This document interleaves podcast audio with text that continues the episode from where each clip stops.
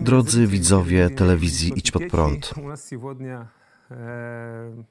Dziś naszym gościem jest Anatolij Kołomyjec, pastor, misjonarz z Ukrainy oraz z USA.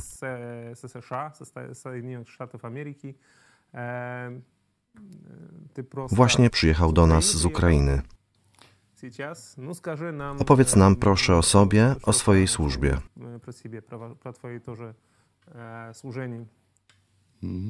Dzień dobry. Nazywam się Anatolij Kołomyjec. Jestem kierownikiem misji IMOCE oraz pastorem ewangelistą. Wyjechałem z Ukrainy około 22 lata temu i aktualnie mieszkam w USA.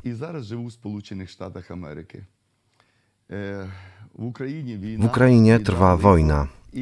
Koncentrujemy się na pomocy Ukrainie. Byłem tam przez ostatnie trzy tygodnie. Trochę później opowiem Wam, co tam robiłem.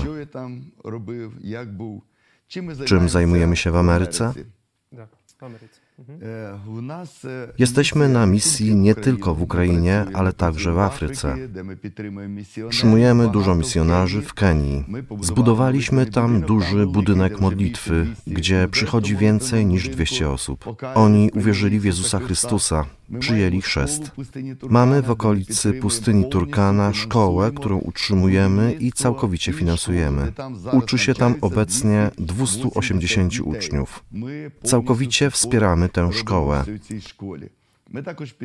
W Kenii podtrzymujemy pracę z dziećmi sierotami, które mieszkają w specjalistycznym zakładzie.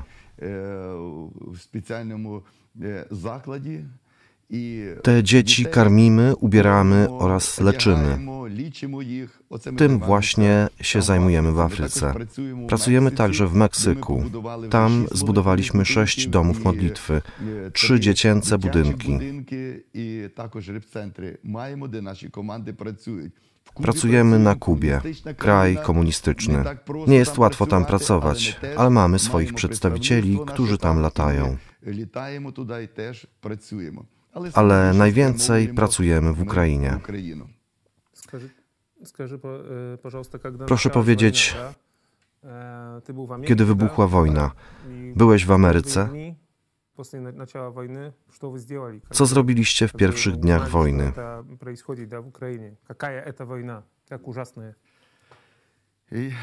Kiedy dowiedziałem się, że wybuchła wojna, nie mogłem w to uwierzyć, że w XXI wieku na naszej Ziemi będą latać rakiety.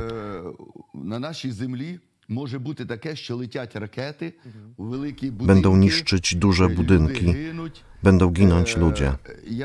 Nie wiedziałem, jak mam reagować. Modliłem się, Boże, ratuj Ukrainę, zatrzymaj.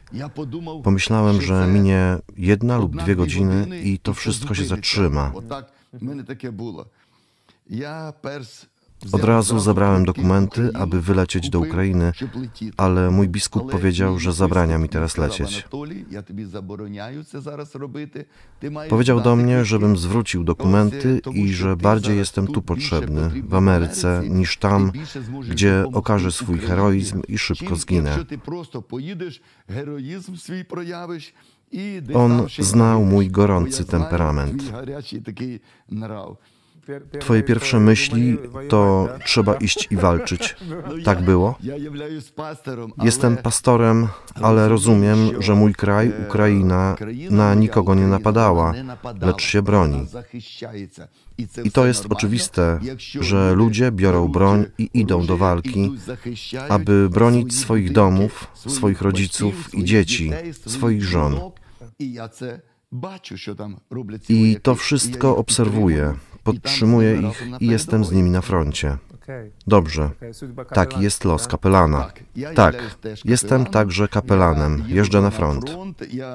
Jak tylko tam jestem, modlę się o tych żołnierzy. Tam nie spotkałem niewierzących.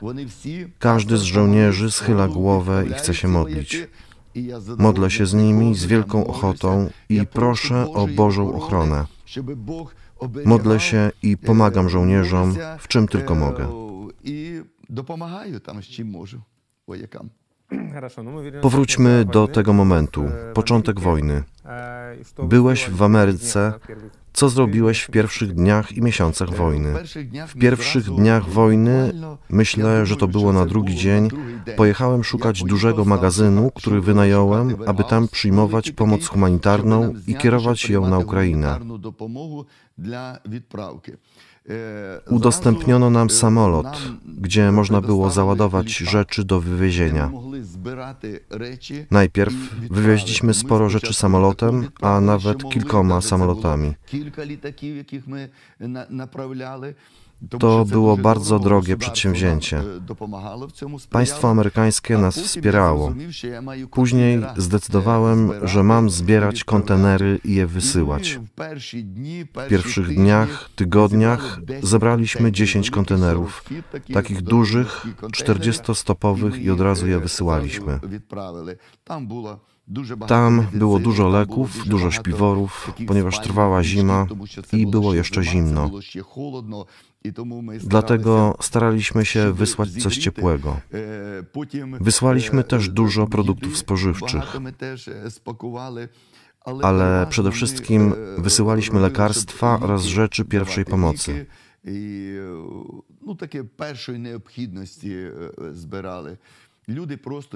Ludzie po prostu szli do sklepów, kupowali. Granica była otwarta i szybko można było nam przekazywać pomoc humanitarną. I Polska w tym nas wspierała. Chciałbym bardzo podziękować i polskiemu narodowi, i polskiej władzy za to, że pierwsze nasze kontenery przechodziły bez opłaty przez Polskę.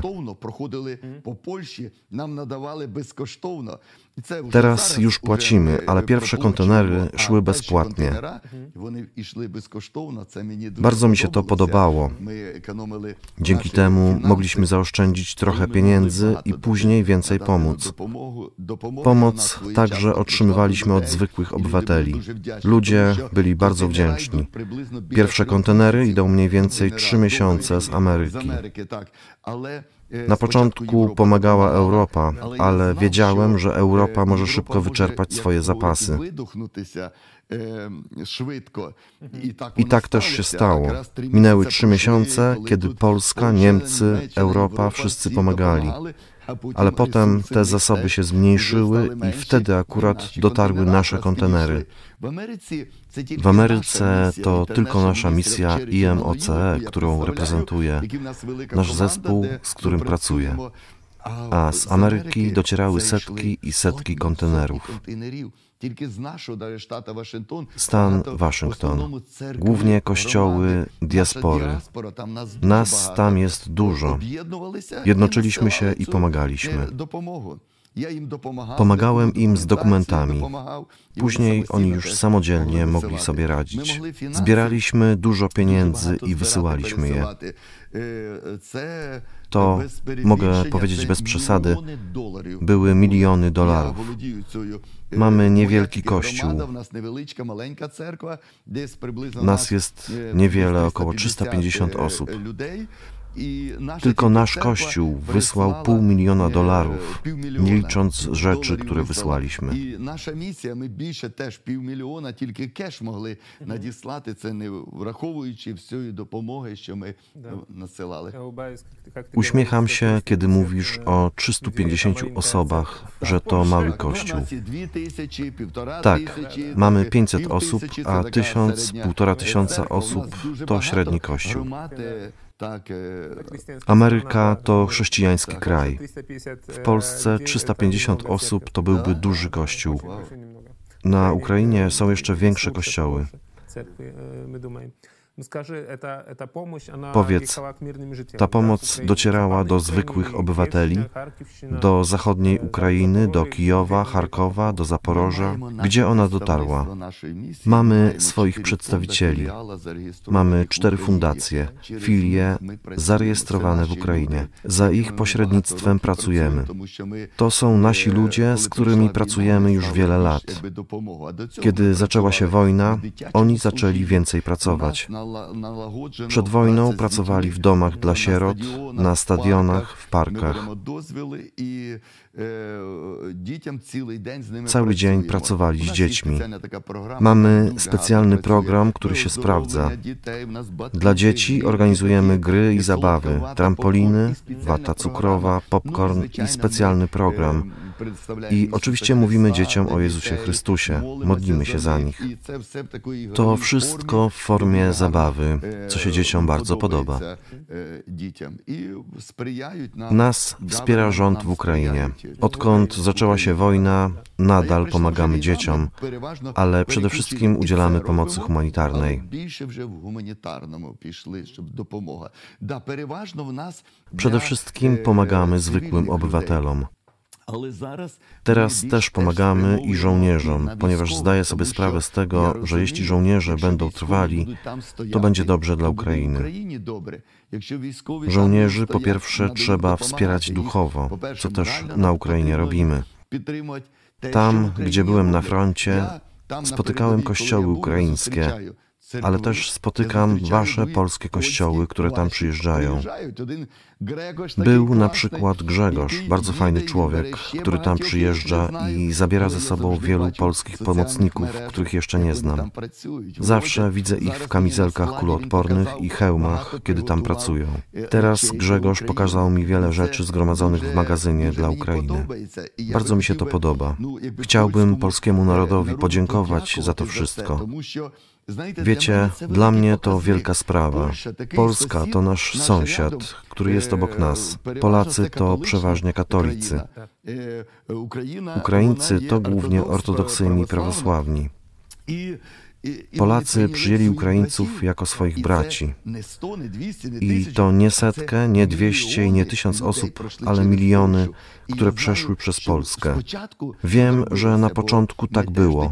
My także ewakuowaliśmy tu dom dziecka, który już powrócił na Ukrainę. Niedaleko był pewien sierociniec z niepełnosprawnymi dziećmi, którym już wcześniej się opiekowaliśmy. Został on wywieziony z Ukrainy, a teraz znów powrócił do kraju, gdy sytuacja się ustabilizowała.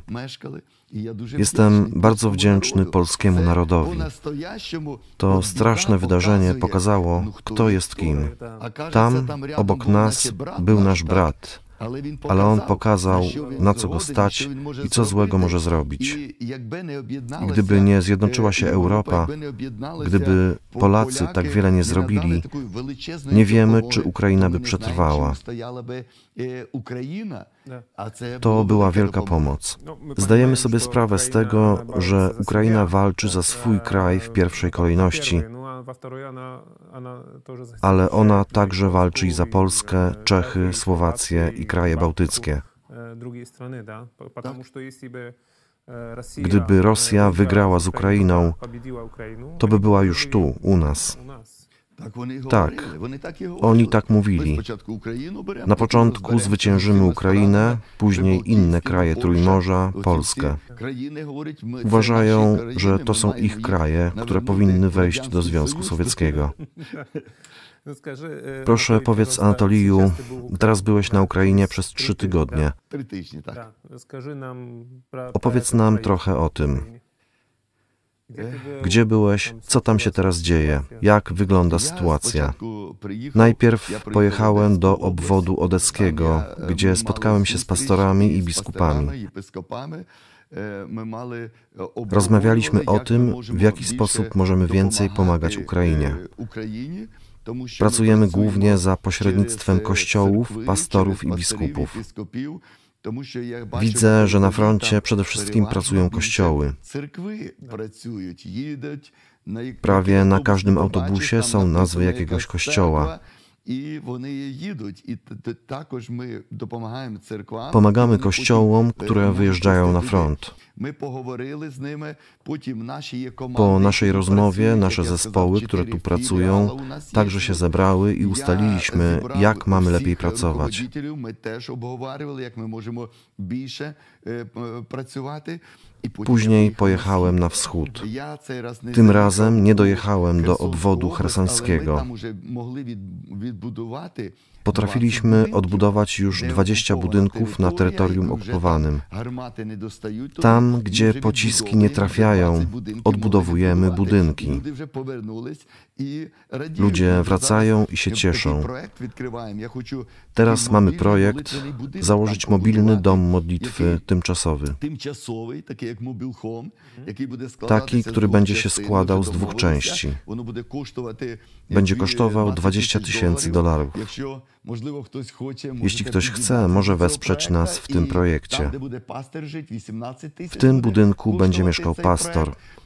Jeśli będzie już dużo ludzi, mamy zamiar przenieść się w inne miejsce, a dom mobilny zostawić u nich. Budynek na. Potem pojechałem na wschód do obwodu zaporowskiego, tam gdzie teraz jest bardzo niebezpiecznie. Ostatni raz, kiedy tam byłem, trafiłem pod ostrzał. Przebywałem w dużym magazynie. Modliłem się za żołnierzy, którzy tam byli. Dron zauważył nas i zaczął strzelać do nas. Jeden pocisk nie trafił, drugi spadł po lewej stronie tak nas osaczyli. I z prawej strony, całkiem blisko, wybuchł pocisk, aż nam telefony wypadły z rąk.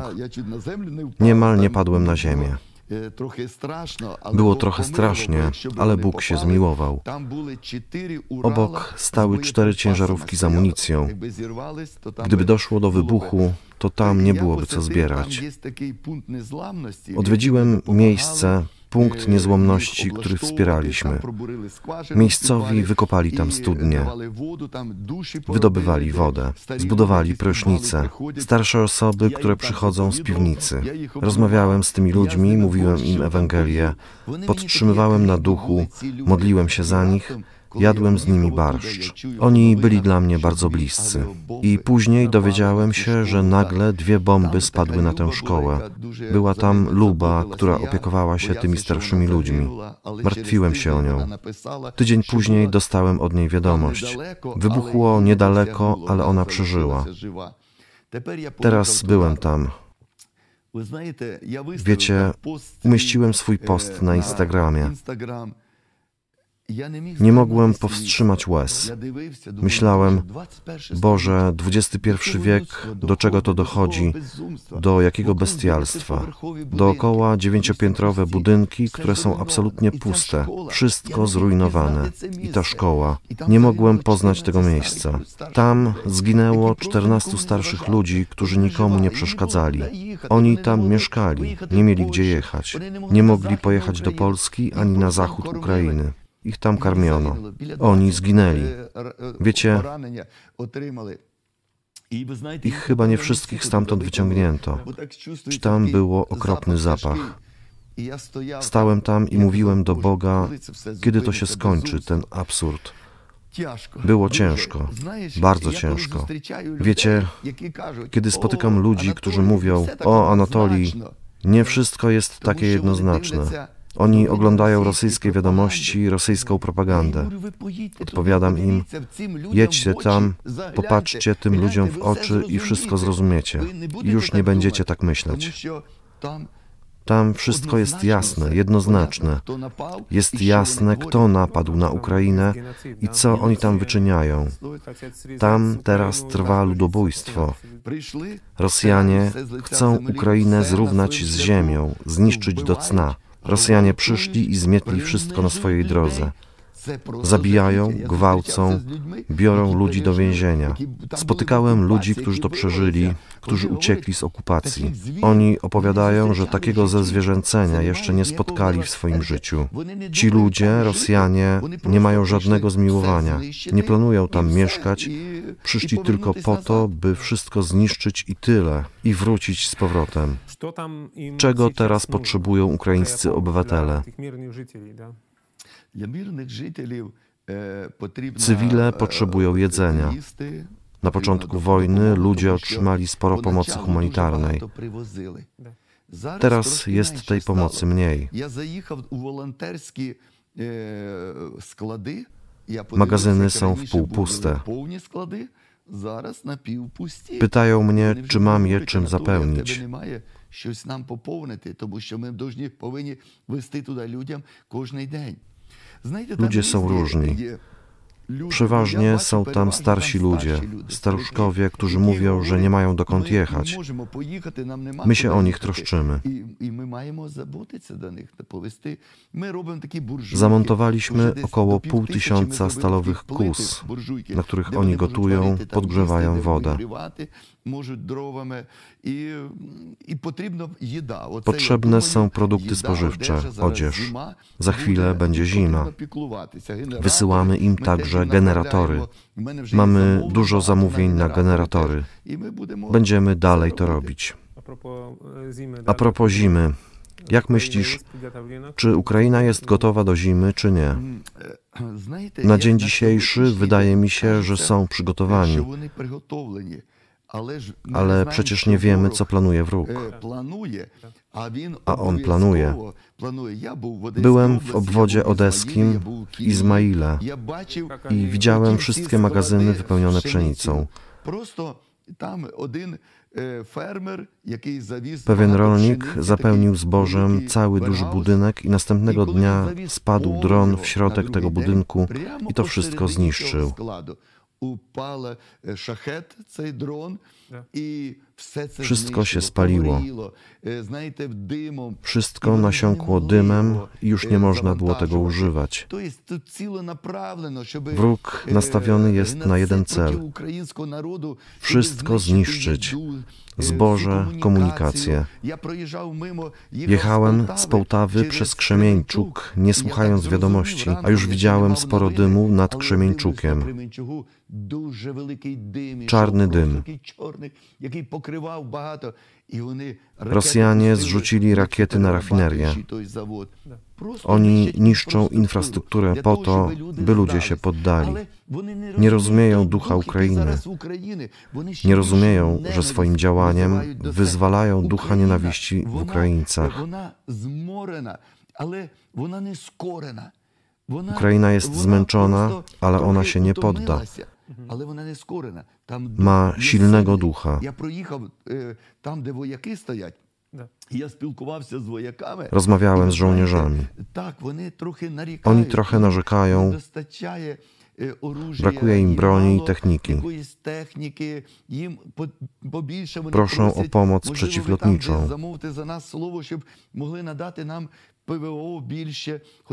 Jechałem w nocy i tuż nad nimi strącili ruskie rakiety. To oznacza, że obrona przeciwlotnicza działa. Terytorium jest wielkie i rozumiem, że potrzeba wiele takich punktów obrony.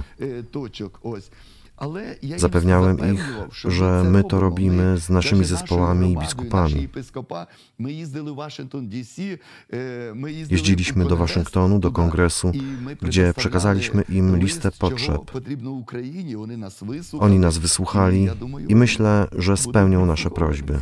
Скажи, е, пожалуйста, Opowiedz proszę, co żołnierze mówią o tym, co się dzieje na froncie.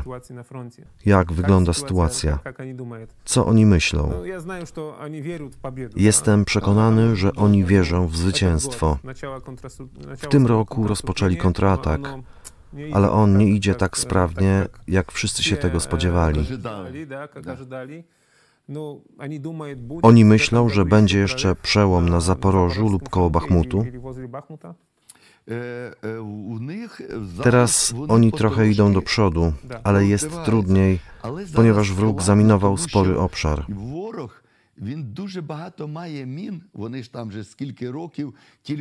Rosjanie się zbroili cały czas.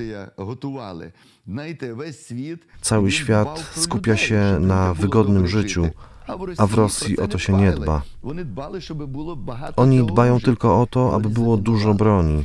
Наш, е, е, наші командири вони Nasi dowódcy nie wysyłają naszych żołnierzy, troszczą się o nich i dlatego idzie to powoli.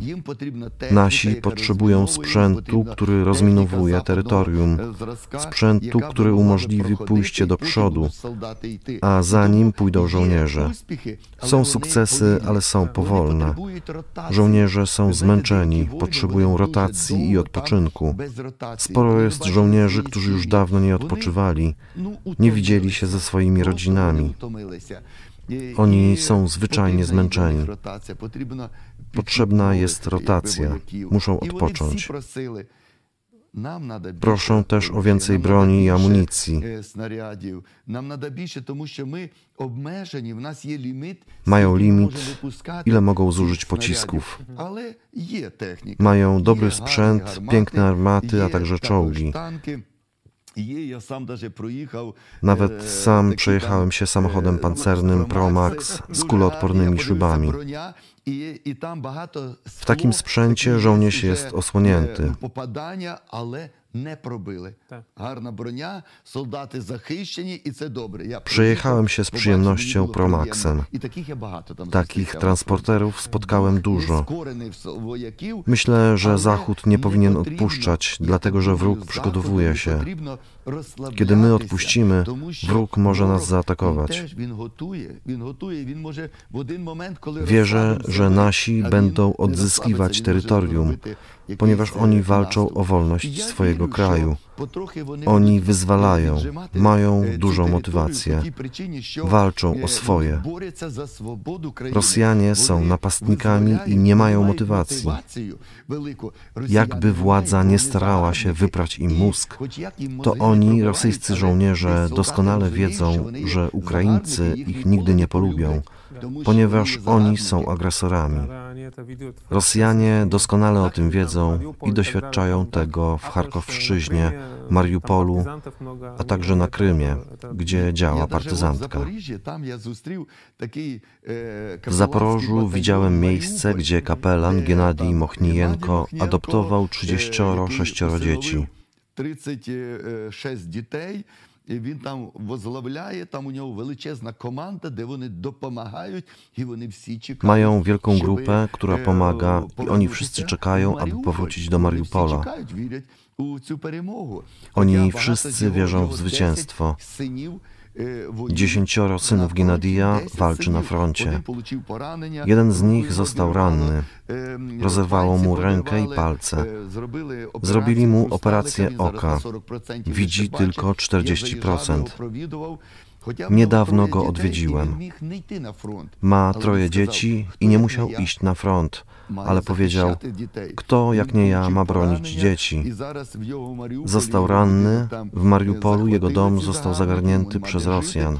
Nie ma teraz gdzie mieszkać. Chcę powrócić do Ameryki, aby kupić mu mieszkanie, ponieważ on ma żonę, troje dzieci.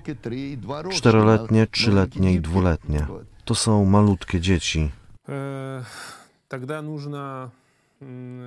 Potrzebujemy cierpliwości.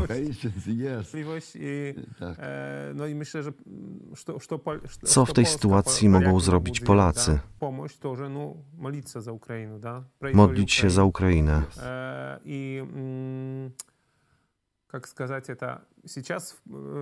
Teraz obserwujemy, że polsko-ukraińskie stosunki trochę się pogorszyły немножко, э, Похоже, чем, чем раньше, да? Э, я думаю, To что jest это про- skutek про- это problemu ze проблема zbożem. i z ziernem, да? E, W Polsce są Polsce wybory. W Ukrainie też będą wybory. e, Будет, будет, это демократия, будут выборы. И э, как, как ты думаешь, что Jak myślisz, э, мирные жители, нормальные люди, co да, zwykli wojny, ludzie что myślą они o думают stosunkach про polsko-ukraińskich? Czy ten konflikt między naszymi władzami wpływa na zwykłych ludzi, czy też nie? Wojna się przedłuża. Wszyscy się spodziewali, że wojna szybko się zakończy.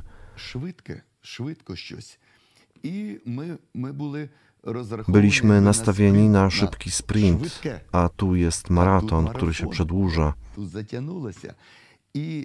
Rozumiem, że w Polsce ludzie także chcą powrócić do normalnego życia.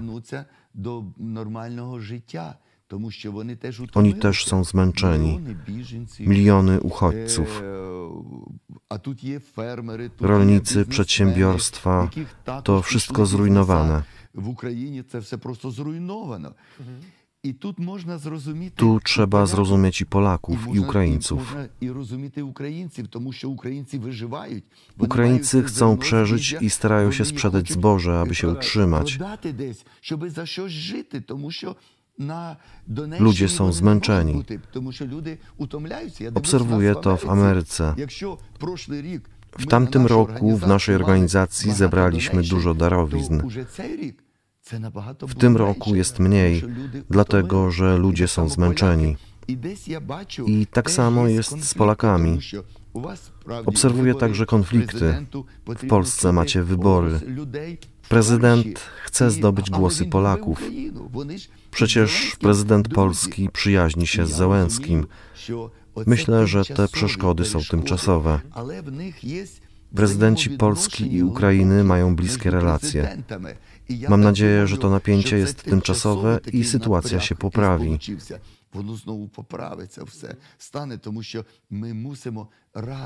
Musimy razem z polskim narodem iść po zwycięstwo.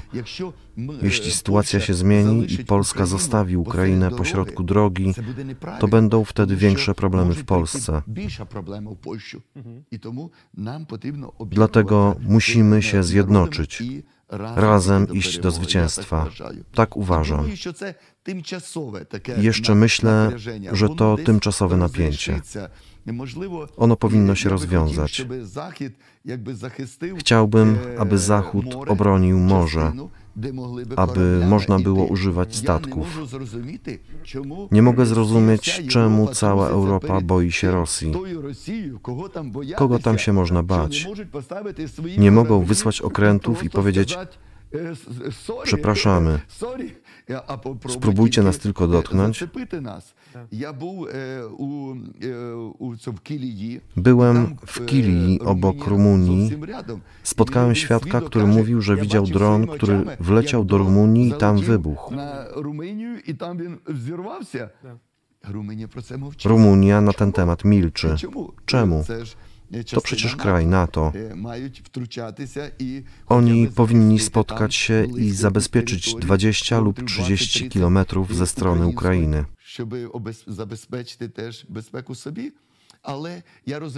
Rozumiem, że to już polityka i oni za to odpowiadają. Ja natomiast mam robić to, co do mnie należy. Pomagać ludziom przeżyć. Mój cel jako pastora to głosić Ewangelię po to, aby ludzie zwracali się do Boga. To też działa. Kiedy człowiek uklęknie przed Bogiem, zawoła do Boga. Jeśli mówimy, że nie ma w nas grzechu, to źle mówimy. Każdy człowiek dużo grzeszy. Biblia mówi, że wszyscy zgrzeszyli i musimy do Niego zawołać: Boże, wybacz i ratuj. I Bóg się lituje nad nami. Ostatnie moje pytanie będzie na temat Ewangelii. Jak ta wojna jak ta wojna wpływa na ludzi. Czy oni boją się Boga, czy chcą przyjmować Chrystusa? Tak, tak. obserwuję to w Ameryce, gdzie dotarło dużo uchodźców. Musieliśmy także otworzyć swoje domy. Na początku dotarła do nas pierwsza fala przez Meksyk. Nasi przedstawiciele wyjechali, a my od razu w Tijuanie, tam na granicy, mogliśmy przyjąć 25 tysięcy ludzi. To było niemożliwe, co się tam działo. Ludzie byli zmęczeni, całymi dniami wędrowali, były tam różne przeszkody i nasi tam pracowali. Przyjęliśmy tysiące ludzi do naszego kościoła. Uczyliśmy ich języka. Pomagaliśmy zdobyć odpowiednie dokumenty. I teraz także są wielkie tłumy, które idą z Polski, z Niemiec. Wyjeżdżają na podstawie programu U4U, Uniting for Ukraine. Zauważyłem, że wielu ludzi, którzy wyjechali, było daleko od Boga, a teraz zaczęło chodzić do kościoła, przyjęli Chrystusa i modlą się za Ukrainę. Niektórzy ludzie nie rozumieją, tylko przeklinają Rosjan. Patrzą na sytuację w sposób wąski. My natomiast widzimy szerszy kontekst. Za tym wszystkim stoi diabelski zamiar, który chce zniszczyć ludzi. Jezus chce dać życie, życie w obfitości. Najpierw należy człowiekowi pomóc odzyskać wewnętrzny pokój z Bogiem i wtedy będzie inaczej reagować. W Ukrainie teraz ludzie też przyjmują Jezusa, dlatego że kościoły na początku opustoszały. Wiele osób wyjechało. Pastorzy, dzielni ludzie zostali.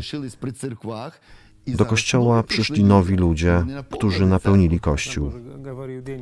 Tak też mówił nam Denis Serdiczenko.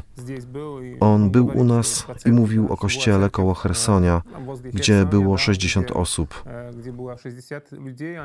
Wielu z nich wyjechało, a teraz jest tam 300 osób. Te kościoły zapełniają się nowymi ludźmi. Ludzie mieszkają tam w piwnicach.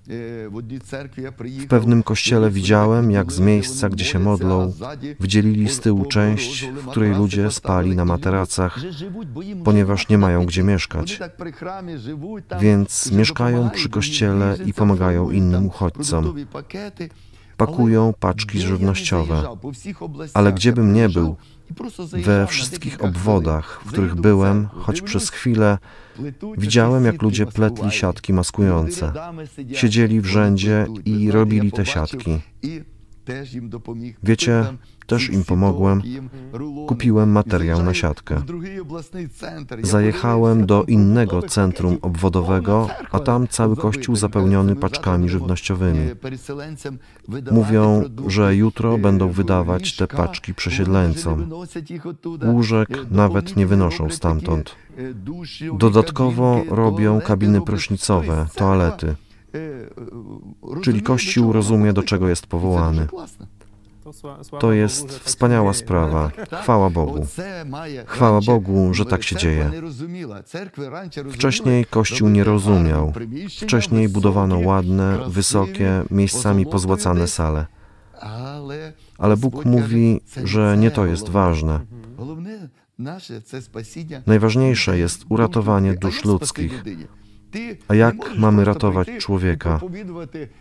Nie możesz przyjść i powiedzieć, jaki Chrystus jest dobry, i potem wsiąść do swojego Mercedesa i odjechać. Tak jak Jezus Chrystus nauczał. Posadził ludzi, nakarmił ich, uleczył, wskrzesił z martwych. I wtedy ludzie poszli za Bogiem, ponieważ zwracają się do Boga, kiedy cierpią. Często jest tak, że kiedy człowiekowi jest dobrze, on nie myśli o Bogu, a kiedy jest mu źle, przychodzi do Boga. Wczoraj stałem na granicy 9 godzin. Podeszli do mnie i powiedzieli, że przecież Pan ma odpowiednie dokumenty i może Pan przejechać bez kolejki. Odpowiedziałem im, że chcę po prostu z nimi poczekać i dzielić ich trud. Był ze mną mój współpracownik Artiom, bardzo fajny młody człowiek, który jako mały chłopiec mieszkał w Ameryce, a teraz wraca na Ukrainę. Chcę go nauczyć, jak powinien postępować. Znalazłem w kolejce na granicy 10 grup ludzi, z którymi rozmawiałem przez te 9 godzin. Jeden z nich się nawrócił. Modlę się o niego, inny po prostu słuchał Ewangelii. Piszą teraz do mnie tysiące ludzi z całej Europy. Mam stronę internetową, gdzie zebrane są kontakty do kościołów i dzięki temu mogę odesłać ludzi, którym mówiłem Ewangelię do tych kościołów. Oni są za to wdzięczni. Przyjechali do Polski, są sami i nie mogą sobie poradzić. Potrzebują pomocy Kościoła. Wasz Kościół bardzo dużo pomógł. Przyjęliście bardzo dużo ludzi. I tak powinno być. To jest to, co powinien robić Kościół. Cieszę się z postawy moich braci w Polsce i szczególnie jestem wdzięczny, bardzo wdzięczny Polakom. Okay. I ostatnia kwestia. Twoje największe marzenie albo prośba do Boga. albo prośba do Boga największa? Так, е, моя така мрія. Moje marzenie i prośba do Boga to, żeby zakończyła się wojna. Я розумію, що нам Chodzi mi o потрібно, to, щоб żeby вона wojna nie зупинилась. została zamrożona, Нам потрібно, ale щоб żeby ворог wróg вийшов opuścił за nasze кордон. granice. І моя молитва, I moja modlitwa повну to перемогу, całkowite zwycięstwo поразка Ukrainy цього i porażka загарбника. agresora. Моя молитва до Господа. Я розумію. Ви знаєте, сьогодні е, Путін хоче Putin dzisiaj chce przystąpić do negocjacji. To wygląda tak, jakby do mnie przyszedł człowiek, który zabrał drugie piętro mojego domu i mi zaproponował: Usiądźmy w kuchni i porozmawiajmy, jak podzielimy kuchnię i salon. To nie jest właściwe podejście. Właściwe by było, wyjdźmy z budynku na ulicę i wtedy z tobą usiądę i będę rozmawiać, jak będziemy dalej żyć. Od sąsiada nie uciekniesz, on zawsze będzie i trzeba będzie wcześniej czy później z nim rozmawiać. To on powinien wyjść z Twojego domu, ale on nie zwykł wychodzić. On jest przyzwyczajony niszczyć, iść i dyktować swoje warunki. To jest moja modlitwa do Boga, aby ludzie pozostali niezłomni, żeby żołnierze wytrwali i żeby nastało pełne zwycięstwo Ukrainy. Tobie i Ukrainie i wszystkim Ukraińcom Pełnej całkowitego zwycięstwa. Дякую. перемоги. Дякую. Dziękuję. Дякую. Dziękujemy. Anatolij Kołomyjec, pastor, ewangelist. Да. Дякую, пастор. Дякую. Ти класний.